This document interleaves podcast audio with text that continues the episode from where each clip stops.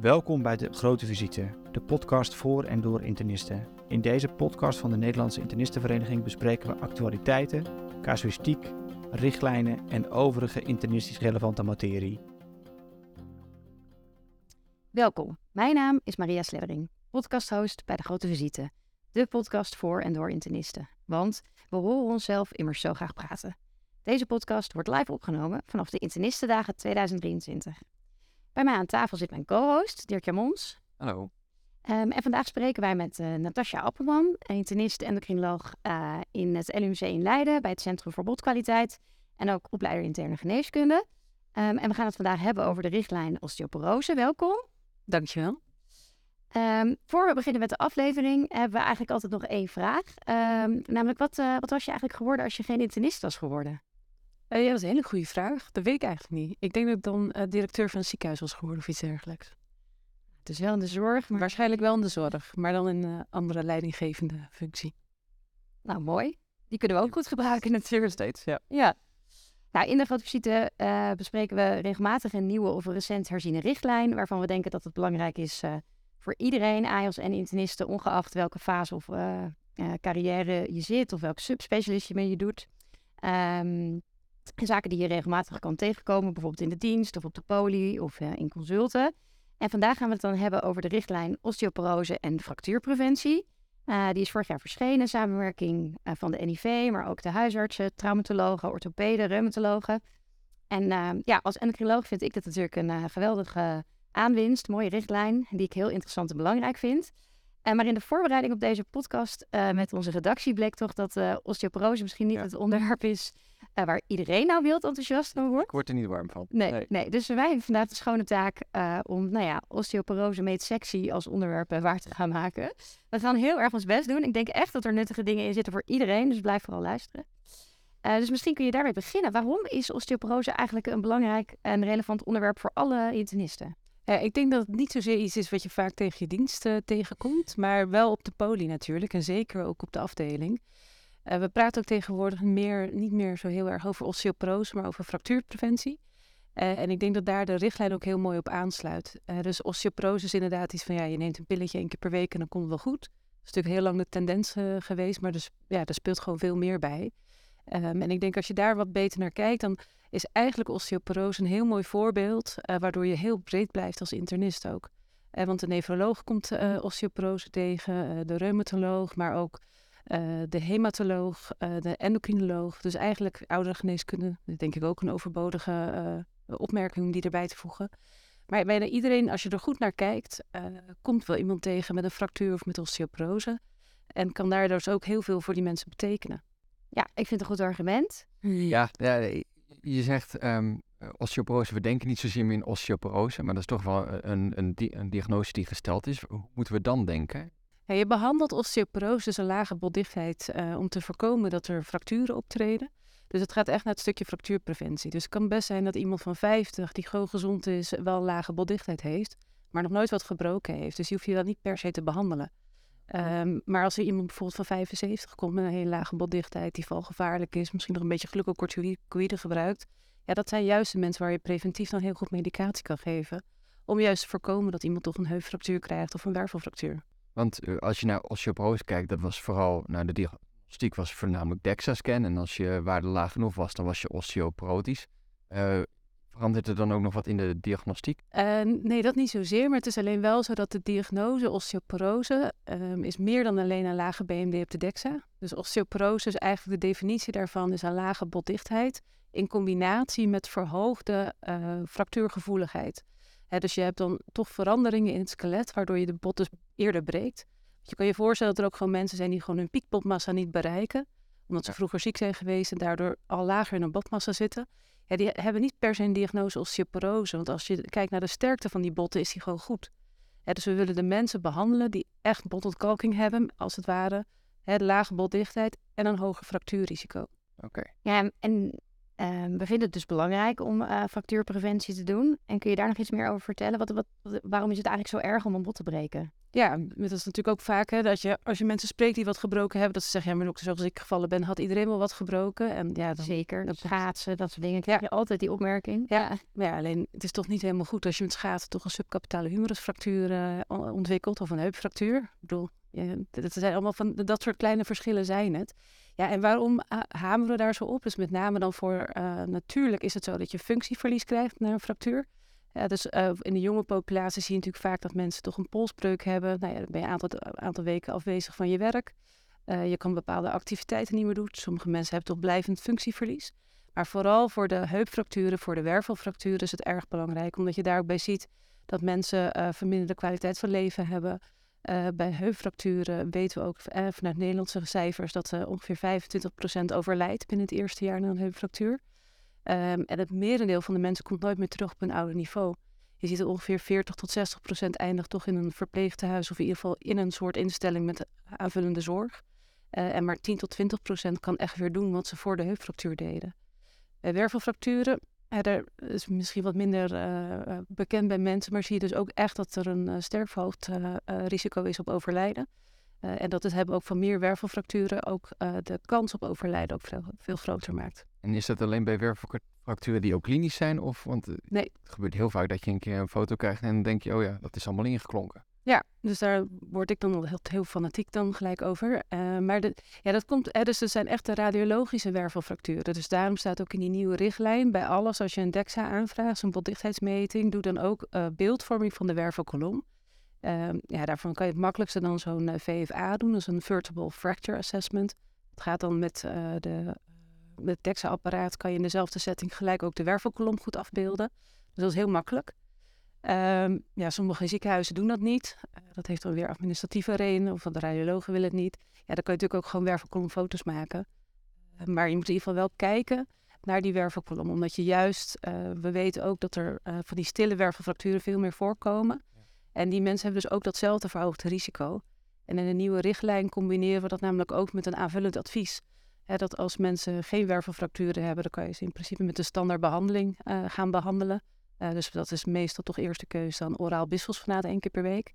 Maar zie je de, uh, twee of, uh, of één echte wervelfractuur, ja, dan heb je dus ook de keuze om eventueel mensen al met botvormende medicatie te behandelen.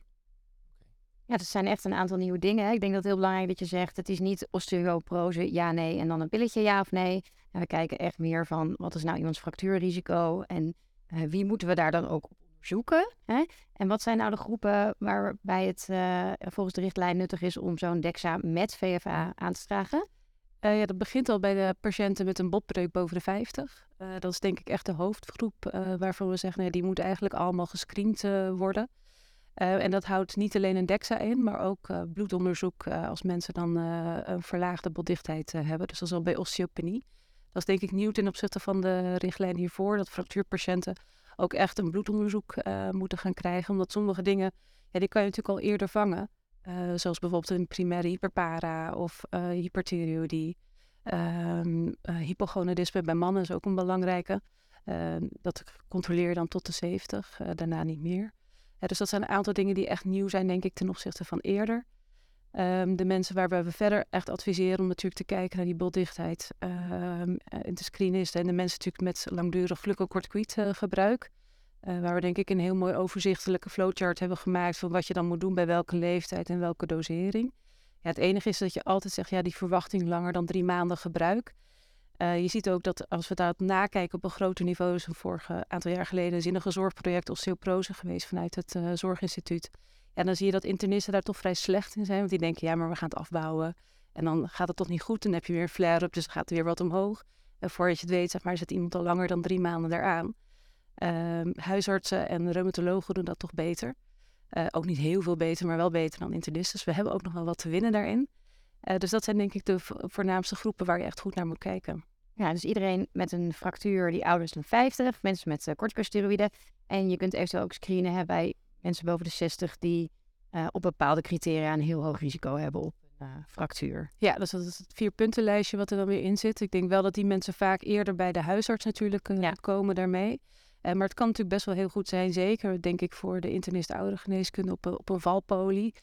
Denk ik, ja, als je dat lijstje er even bij pakt, dan kan je ook gelijk een aantal andere dingen mee, meenemen daarin. Ja, Dus we hebben iemand geïdentificeerd waarvan we denken, hé, hey, jij hebt een, misschien wel een hoog fractuurrisico. Dan doen we dus die DEXA en daar vragen we dan altijd de VVA bij aan. Of als dat in je ziekenhuis niet er automatisch bij komt, hè, wervelfoto's. Ehm, en dan, ja, hoe beslis je dan eigenlijk of je wel of niet gaat behandelen? Je een beetje, het risico maakt dan uit. Ehm, en eh, dan kijken we dus naar wel of niet wervelfracturen. Ehm, en waarom is dat ook weer belangrijk, die wel of niet wervelfracturen? Ja, dus we kijken uh, naar die wel niet wervelfracturen, omdat daarmee de keuze van de behandeling anders gaat worden. Uh, dus als je iemand hebt met wervelfracturen en een lage botmassa, kan je dus ervoor kiezen om te beginnen met uh, de nieuwere middelen, de middelen die botopbouw geven, uh, teriparatide of romosozumab. Bij de mensen die geen wervelfracturen hebben, maar wel osteoporose, die kan je dus voor kiezen om dan andere medicatie te geven. En we laten ook heel sterk meehangen in de, in de keuze voor behandelen. Als je 50 bent en je hebt nog niks gebroken, ja, dan is je absolute fractuurrisico is laag. Dus dan hoef je op dat moment tussen de 50 en de 60 nog geen behandeling te starten. Tussen de 60 en de 70, ja, dan is het maar net hoe iemand er klinisch bij zit. Heeft hij nog andere risicofactoren? Uh, ja, hoe fragiel is iemand? Uh, maar heb je een fractuur, ja, dan moet je boven de 50 uh, eh, sowieso behandeld worden. Dus ook een polsfractuur uh, bij iemand van 50 met een T-score van min 2,5. Daar moet je gewoon medicatie voor gaan starten. Ja. ja je begon net al over de nieuwe middelen, eigenlijk ja. opbouwende middelen. Uh, ik denk dat voor heel veel mensen die niet bekend zijn, want het zijn niet dingen die je heel erg vaak tegenkomt. Toch zie je vaker de, de, nou, de alendronine of uh, inderdaad de denosumab zien nog wel eens voorbij komen. Maar hoe is dat nou anders? Hoe zijn werken die anders en waarom is er zo'n onderscheid? Oh ja, nou, dat red ik niet in 10 minuten al uit te leggen, maar ik ga een poging doen. Nee, dus uh, de voornaamste verschil zijn denk ik wel echt dan teriparatide. Uh, dat uh, sinds een aantal jaren is patent daarvan af. Dus daardoor is het ook, uh, zijn de restricties met voorschrijven eraf. Voorheen mocht je dat in de vorige richtlijn alleen maar voorschrijven als je al een behandeling met een bisfosfonaat of met de denosumab had en een nieuwe fractuur kreeg. En nu hebben, is het natuurlijk en goedkoper geworden en zijn er een aantal vergelijkende studies geweest, waaronder dat er teriparatide head-to-head vergeleken is met risetronaat. En dan zie je dus dat dat effectiever is bij een bepaalde groep. En dat is de groep zoals we die in de richtlijn hebben neergezet. Namelijk de groep met een lage botdichtheid. Uh, en daarnaast één of twee uh, wervelfracturen. Je bedoelde al, er zijn ook nieuwe middelen, botopbouwende middelen. Um, dat, zijn middelen die voor mij niet bij de, heel veel mensen al bekend zijn. Uh, want het zijn niet dingen die je heel vaak tegenkomt. Je ziet toch vaker de uh, alendroninezuur of de denosumab, je ook nog eens voorbij komen. Maar hoe zijn die nou anders, uh, die middelen? En waarom is dat onderscheid? Ja, dus de nieuwe middelen zijn dan vooral uh, romosozumab. Teriparatide is niet zozeer nieuw, maar daar is patent uh, van af. en in de vorige richtlijn mocht je dat alleen voorschrijven op het moment dat iemand al behandeling had en iets sprak. dat is nu verlaten, want er is onder andere ook een head-to-head vergelijking geweest van teriparatide uh, versus oraal bisfosfonaat, risetronaat in dat geval. En daarbij werd duidelijk gezien dat er een voorkeur was dan voor teriparatide. en dat is ook de groep die we nu in de richtlijn ook benoemen. Dat zijn de mensen met een lage botdichtheid en wervelfracturen. Dat je er daarvoor kan kiezen om die mensen eventueel gelijk met teriparatide te behandelen. Um, en romosozumab, dat is een middel wat echt bot, botactiviteit en botaanmaak stimuleert. Dat is een antistof tegen sclerostine eiwit wat eh, betrokken is bij de osteoblastactiviteit. Um, en ook dat uh, hebben we nu geïntegreerd in de richtlijn. Uh, dat geef je dan voor een jaar en dat geef je ook aan patiënten met een lage botdichtheid en wervelfracturen. En de reden dat we ervoor gekozen hebben om dat wel al zo vroeg in te zetten, is dat we ook zien dat bij de mensen die die middelen um, krijgen terwijl ze niet voorbehandeld zijn, dat het therapie-effect veel groter is. Dus als je kijkt naar bijvoorbeeld de botdichtheidsstijging die iemand met romosozumab kan krijgen, dan is dat na een jaar behandelen, kan dat in de orde van grootte van 15 tot 20 procent zijn. En in vergelijking oraal bisfosfonaat geeft 3 tot 6 procent stijging in vijf jaar tijd. Uh, kan ook wel forse stijging geven, maar moet je ook langer geven. En je ziet als mensen voorbehandeld zijn met een antiresorptief middel, dus een middel waarbij je de botactiviteit uh, remt, dat is dus de bisfosfonaat en de denosumab, is dat die stijging minder groot is. Dus je ja. middel is effectiever, Um, en je geeft het voor een jaar en dan daarna geef je wat anders uh, in follow-up. En voor teriparatide geef je twee jaar en geef je daarna iets anders in follow-up.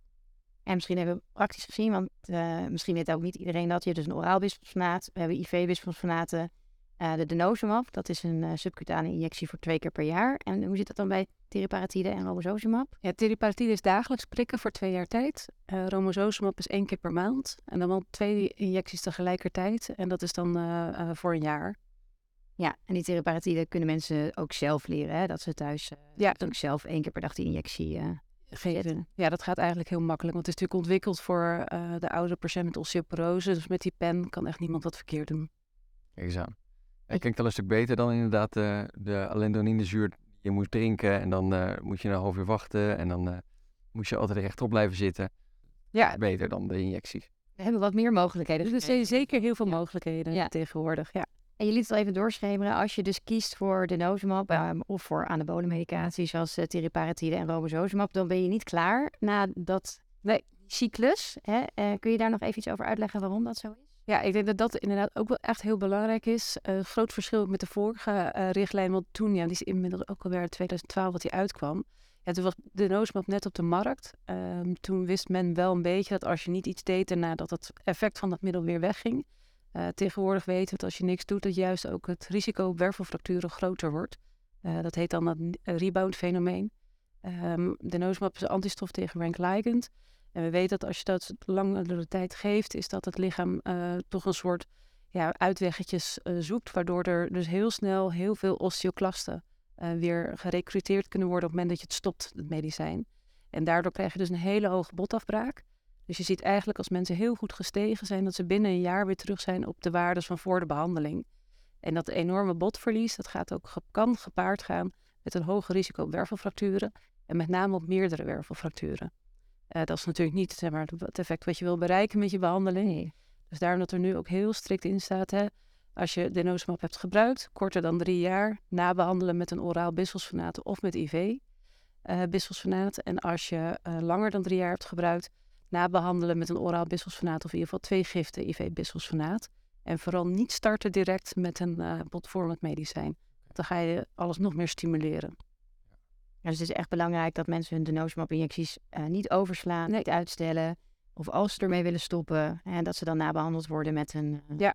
met een uh, bisfosfonaat. Ja, en ook ja, inderdaad, hè, wat je ook zegt, dan niet overslaan en vooral ook niet uitstellen. dus wat heb je natuurlijk nog wel eens soms, hè, dat iemand zijn afspraken afzegt op de poli en dan ja, verschuift het zomaar in één keer twee, drie maanden. Ja, dat is al te lang met denosumab-injecties. Dat moet echt heel strak gegeven worden. Dus eerder de afspraak naar voren halen dan naar achteren. Want je kan zo'n rebound al krijgen na vier weken. Ja. Ja, nou hebben we weer wat belangrijks uh, geleerd, ja. uh, denk ik. En je zei ook al, hè, we hebben veel sequentiële behandeling. Soms doe je eerst dit en dan dat. Ik denk dat misschien iedereen nog een beetje in zijn hoofd had. Uh, osteoporose, alendronaat, vijf jaar en dan klaar. klaar. Ja, dan is het genezen. En, maar daar staat ook wel veel in al in de nieuwe richtlijn, denk ik, dat ja. osteoporose misschien meer een chronische zorg is. Ja, we waren natuurlijk heel erg verwend, want die bisfosfonaten worden ingebouwd in het bot. Dus op het moment dat je dan stopt, ja, dan hebt dat effect nog een tijdje na. Uh, er stond wel in de vorige richtlijn dat je dan wel follow-up zou moeten doen, maar er was iets minder de nadruk, denk ik, op gelegd. Dat hebben we nu wel geprobeerd te doen. Uh, want uh, sowieso gaan we af van die vijf jaar. Eh, dus we zeggen wel, na vijf jaar oraal bisfosfonaat moet je opnieuw kijken van wat het fractuurrisico is van iemand. Heeft iemand bepaalde behandeldoelen gehaald? Ja, dan kan je even tijdelijk een pauze inlassen. Waarbij we dan ook gelijk adviseren wanneer je dan weer een nieuwe DEXA zou moeten doen. Dus dat kan je ook heel handig terugkoppelen dan aan de huisarts bijvoorbeeld. Um, en we kunnen er ook voor kiezen om nog een keer een behandelcyclus van vijf jaar te doen. Uh, dus dat is denk ik wel heel anders. Oraal wisselsfanaat mag ook tien jaar. Dan moeten de apothekers en de patiënten ook wel een beetje aan wennen. Beetje aan wennen, ja. ja. Um, voor IV is het nog wat anders. Uh, omdat IV wat krachtiger werkt. En bijvoorbeeld soledonaat aclasta uh, echt ook veel krachtiger bindt aan het bot dan de orale bisfosfonaten. Uh, zijn de oorspronkelijke studies gedaan met drie jaar behandelen IV. En dan als je dan verlengt, ga je naar zes jaar. Dus daar hebben we gezegd, nou ja, kijk dan bijvoorbeeld ook of mensen misschien na drie jaar al kunnen stoppen. Um, en dan ook weer met automatisch advies wanneer je dan weer opnieuw zou moeten doen. Uh, en vooral ook weer, dan alles kan ook gewoon weer herstart worden. Eigenlijk geldt alleen voor teriparatide. Als je dat twee jaar gehad hebt, kan dat niet meer gegeven worden. Andere medicijnen kunnen gewoon gestopt worden en weer herstart worden. En is het nou zo dat je in die tussentijdse drie jaar of vijf jaar dan bij de uh, orale eh, ook helemaal niet hoeft te, te evalueren hoe, eh, hoe dat gaat? Gaat het dan altijd wel goed? Of moet je dan tussendoor nog scans maken? Nee, dus het advies is ongeveer na twee tot drie jaar weer een nieuwe botdichtheidsmeting te doen. Uh, en patiënt natuurlijk wel instructies dan te geven. Dus bij een nieuwe fractuur moeten mensen natuurlijk terugkomen. Uh, hebben ze toch een nieuwe ziekte gekregen, dan moet er natuurlijk eerder gekeken worden. Ja, en bij medicatiewijzigingen ook. Ja. Maar anders, als iemand gewoon gezond is en goed gaat, ja, dan hoeft hij in principe niet eerder terug te komen. Ik denk dat dat ook wel belangrijk is. Hè? Dat als je mensen tegenkomt in de kliniek of op de SCH die iets gebroken hebben. En je kijkt in het lijstje en je ziet er alendronidazure staan. Dat je niet denkt, hé, hey, oh prima, die wordt al behandeld voor osteoporose. Nee, dat, dat is dan dus iemand die breekt onder therapie. Uh, en dat hij echt even terug moet naar zijn nou ja, osteoporose hoofdbehandelaar om een uh, therapie switch uh, te overwegen. Ja, dat is ook nog inderdaad heel belangrijk dat, dat je daarnaar kijkt. want breken onder therapie is ook echt een reden om de behandeling te switchen. En dan heb je natuurlijk altijd de vraag, ja, als iemand oraal bisfosfonaat heeft, is dat dan nog echt therapie? Want soms nemen mensen natuurlijk niet. Dat zien we ook regelmatig. Ook een reden om te switchen. Ook een reden zeker om te switchen, inderdaad, ja. En waar zou je dan als eerste naartoe gaan op het moment dat iemand onder therapie iets spreekt? Ja, het ligt er aan wat voor breuk. Is het een wervelfractuur, dan zou ik ervoor kiezen om uh, naar een uh, botvormend medicijn te gaan. Ja, is het een andere breuk, dan kan je natuurlijk prima kiezen of naar Soledonaat uh, IV um, of eventueel naar de noosmap. En maakt dan de aard van de breuk nog uit? als iets onderliggend lijden uh, bekend is, een uh, uitzaaiing of iets in een wervel bijvoorbeeld? Um, ja, als het dan pathologische fractuur is, ja, dan, dan, zou ik toch even ook kijken in overleg met de behandelaar die daarmee bezig is, wat dan het verstandigst is. Um, maar als het onderliggend lijden bijvoorbeeld wat algemener is, nierproblematiek of andere dingen, ja, dan kan je natuurlijk wel heel gericht daar een keuze voor, voor maken wat je dan gaat geven. Oké. Okay. Um, en wat denk ik ook nog wel goed is om te melden, is natuurlijk ook veel, nu veel meer nadruk op de in de richtlijn is de mensen na een heupfractuur. Uh, dus als je boven een bepaalde leeftijd uh, bent en je breekt je heup, uh, dan is de kans dat we je nog terugvinden op de polykliniek na zes tot acht weken is natuurlijk niet zo groot. Want die mensen toch allemaal een bepaald zorgtraject in verdwijnen. Um, en dat zijn wel de mensen die juist het meest ehm, kunnen profiteren van osteoporosebehandeling. Um, dus daar hebben we er nu voor gekozen. Naar toch wel misschien een uitgebreide discussie in de richtlijncommissie. om daar de, mogelijkheid te geven om gelijk tijdens de opname dan uh, zodeninizuur te geven. Omdat het en makkelijk is, namelijk uh, bij de opname, het is in een kwartiertje is dat klaar. en daarnaast is natuurlijk de bekende studie uit 2007, waar ook echt een mortaliteitsreductie gevonden is van 38% op het moment dat je een infuus aclasta geeft na een heupfractuur. dus niet alleen fractuurreductie, maar ook nog eens een keer mortaliteitsreductie. Dus iemand uh, met een heupfractuur mag je eigenlijk zonder DEXA. Ja. de kans dat hij osteopenie heeft, en dat is al een behandelindicatie met een heupfractuur, gewoon ja, blind, zeg maar, Soledonaat geven. Het is fijn als die daarna lukt om op de poli te komen om alsnog het risico wat beter ja. in kaart te brengen en de vervolgbehandeling in te zetten. Maar je kunt dat eerste infuus gewoon uh, altijd geven, uh, zodra je ook weet dat het vitamine D uh, een beetje op peil is. Ja, we horen natuurlijk ook van veel van patiënten toch wel bezwaren en angst over de bisfosfonaten. Met name ook de, de kaakproblemen. Moeten we daar nou echt bang voor zijn? Bij, bij osteoporose is het risico van osteonecrose van de kaak echt heel erg laag. Minder dan 1%. Bij maligniteiten, zeker bij hematologische maligniteiten, kan dat risico wel echt oplopen tot 5%. Dus daar is het wel reëel. Maar dat is natuurlijk niet voor de behandeling voor osteoporose. Uh, wat je daar al kan doen, zeg maar, is mensen gewoon adviseren gewoon hun tanden te poetsen en te flossen en te stokeren. Gaat het risico ook heel erg naar beneden. als mensen echt een slecht gebit hebben, dan laat ik ze nog wel eens eerst naar de tandarts gaan om het goed na te laten kijken en eventueel sanatie te doen. Uh, en natuurlijk op het moment dat mensen uh, botvormende medicijnen gaan gebruiken, ja, dan hebben ze een heel mooi window van 1, 2 jaar waar alles kan gebeuren aan het gebit. Uh, zonder een hoger risico op osteonecrose. Bij teriparatide en romosozumab bedoel ja. je, dan heb je dat risico niet. Nee. nee. Nee. Dus als er nog een ingreep moet gebeuren, dan het liefst dan. Ja, juist dan. Niet in de periode dat je daarna wordt nabehandeld. Ja. met selenonaat bijvoorbeeld. Ja. ja. ja en stel, er komt een, een oude baas van tegen de 90 op een spoedeisende hulp. en die heeft een heup gebroken moet ik die dan nog met die hoge leeftijd uh, nog aan een, uh, aan een bisfosfonaat gaan slingen? Nou, ik denk als je ervoor gaat kiezen om te opereren, dat je ook osteoporose moet behandelen. Kies je er natuurlijk voor om niet, in, niet te opereren aan die heupfractuur, ga je natuurlijk een heel ander traject in en dan zou ik het niet doen. Ja. Uh, maar als iemand verder gewoon nog redelijk functioneerde en hij gaat geopereerd worden, ja, dan vind ik eigenlijk ook dat je dan de osteoporosebehandeling zou moeten inzetten. Ja, helder. Ja, nog als laatste de, de, de corticosteroïden. Hè? Dus daar doen we het niet zo goed. Met het starten van de osteoporosebehandeling hebben we net weer geleerd. Omdat we toch ook die drie maanden blijkbaar niet altijd helemaal goed inschatten. Uh, en daar staat ook nog iets over in de richtlijn. Uh, dat, dat denk ik ook goed om te weten. Als je nou uh, er wel over nadenkt om te starten. En je hebt iemand met dosis prednison die ook nog een hoog risico heeft. Ja, dus um, bij uh, corticosteroïden kan je er tegenwoordig voor kiezen om uh, bij mensen die echt een hoog risico hebben, of bij mensen ehm, eh, die een lage botdichtheid hebben en ook al eh, prevalente wervelfracturen. eh, om ervoor te kiezen om dan eh, sterkere medicatie te geven dan alleen een oraal bisfosfonaat. Eh, dus je mag dan al gelijk kiezen voor de zoledonaat. Eh, je kan ook ervoor gaan kiezen om denosumab te geven. Wel weer met alle stopadviezen natuurlijk dan erbij. Ehm, maar je mag dus ook teriparatide in gaan zetten dan eh, op het moment als de osteoporose en de, het fractuurrisico hoog genoeg is. Dus ook daarin zit er echt wel wat meer variatie dan voorheen. En ik denk ook, wat we nu expliciet ook opgeschreven hebben, is dat als je het stopt, dat het dan ook wel handig is om een DEXA te doen. Want misschien is iemand na een half jaar of na een jaar klaar met de glucocorticoïden. Maar als hij natuurlijk een T-score van min 3,5 heeft, dan heeft hij nog steeds een indicatie om de osteoporosebehandeling door te nemen. Eh, dus daarvoor adviseren we dan ook wel echt dat er een botdichtheidsmeting gemaakt Ja. moet worden. Dus het stoppen van de corticosteroïden is niet gelijk een reden om ook eh, Nee, de bisfosfonaat te stoppen. nee, nee, nee. We verplichten eigenlijk iedereen om een beetje na te denken met de richtlijn eh, Ja. over zijn eigen patiënt en het als een geheel te zien. In plaats van alleen maar een klein onderdeeltje. Klinkt heel internistisch. Ja, Dat vind ik wel, kunnen wij dit. Hey, eh, ja, we hebben nu ehm, heel veel mooie dingen gehoord. Ik denk dat het goed om te weten is dat de richtlijn is natuurlijk heel uitgebreid. Die kan misschien niet iedereen helemaal lezen. We hebben nu al veel geleerd. Maar ik denk dat vooral aanwinst de nieuwe ri- richtlijn is dat er heel veel stroomschema's in staan. Waar je gewoon met kleurtjes en pijltjes links of rechts afgaat. En waar eigenlijk eh, al deze dingen ongeveer in staan die we net besproken hebben. Dus ik zou denk iedereen adviseren daar eh, nog eens een keertje naar te kijken bij eh, relevante polypatiënten. Ja, en mail ook gerust als dingen niet duidelijk zijn. Ik heb die stroomschema's hebben we, eh, met een aantal gemaakt. En het voordeel is van het eh, modulair werken nu met die richtlijnen, is dat je ze ook kan aanpassen tussendoor.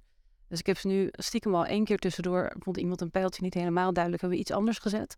Dus als je zelf denkt van, nou ja, daar kan nog iets verbetering bij, eh, laat het mij weten. Want dan doen we gewoon weer een revisie en dat kan gewoon tussendoor de hele tijd gedaan worden. Kijk, dat is handig. Hartstikke goed. Nou, wat hebben we nu geleerd voor de algemene praktijk? Eh, als jij een wervelfractuur vindt, radiologisch, niet klinisch of een CT die je maakt, dan moet je daar wat mee. Zeker, dat moeten we behandelen. Ja, Ja, we gaan kijken naar fractuurrisico en niet alleen naar osteoporose, ja, nee.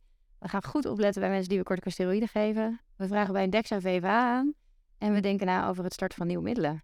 Ja. Dat is een beetje... En ik denk ook wat misschien hebben we nog niet zo besproken, maar als je inderdaad die eh wervelfractuur ziet, eh, je moet dus inderdaad zelf kijken naar de plaatjes. Ik denk dat dat ook heel belangrijk is, want radiologen hebben niet altijd een neiging om een wervelfractuur in de conclusie te noemen. eh, en vaak ook niet in het verslag. Je ziet dat, dat er zijn ook al een aantal keren van die studies gedaan waarbij je gewoon ziet dat soms het wel in het ver- verslag staat, maar dan niet de conclusie haalt. En dan komt het dus ook niet in de status en komt er dus ook geen behandeling. Dus ik denk ook dat het heel goed is om zelf naar de beelden te kijken. zelf alert te blijven. Ja, Ja. je moet ook een beetje alert zijn op de terminologie. Ja. Hè, want we adviseren het inderdaad echt een wervelfractuur te noemen. Want dingen als dekplaats, inzakking of inzakking of Enig afkatting, ja, enig te. Ja, nou, dat soort dingen. Allemaal ter, het zijn gewoon allemaal wervelfracturen mensen. Dus eh, goed opletten. Ehm Oké. Nou, volgens mij hebben we een hele hoop eh, geleerd. Is het een beetje gelukt, eh Dirk-Jan? Het is eh, een stuk meer sexy geworden. Ja. Oké. Nou, gelukkig. Dankjewel. Gelukkig maar. Dankjewel voor het luisteren naar deze aflevering van De Grote Visite. Een podcast van de Nederlandse Internistenvereniging. Wil je weten wie deze podcast maken? Kijk dan op www.degrotevisite.nl om kennis te maken met onze podcastredactie. De technische productie van deze podcast is in handen van Met Online. Abonneer je op De Grote Visite via je favoriete podcastkanaal, zodat je geen aflevering mist. En deel deze podcast vooral ook met je collega's. Vond je het leuk om te luisteren? Geef ons dan een 5-sterren review, zodat we ook beter te vinden zijn voor andere luisteraars. Tot de volgende keer!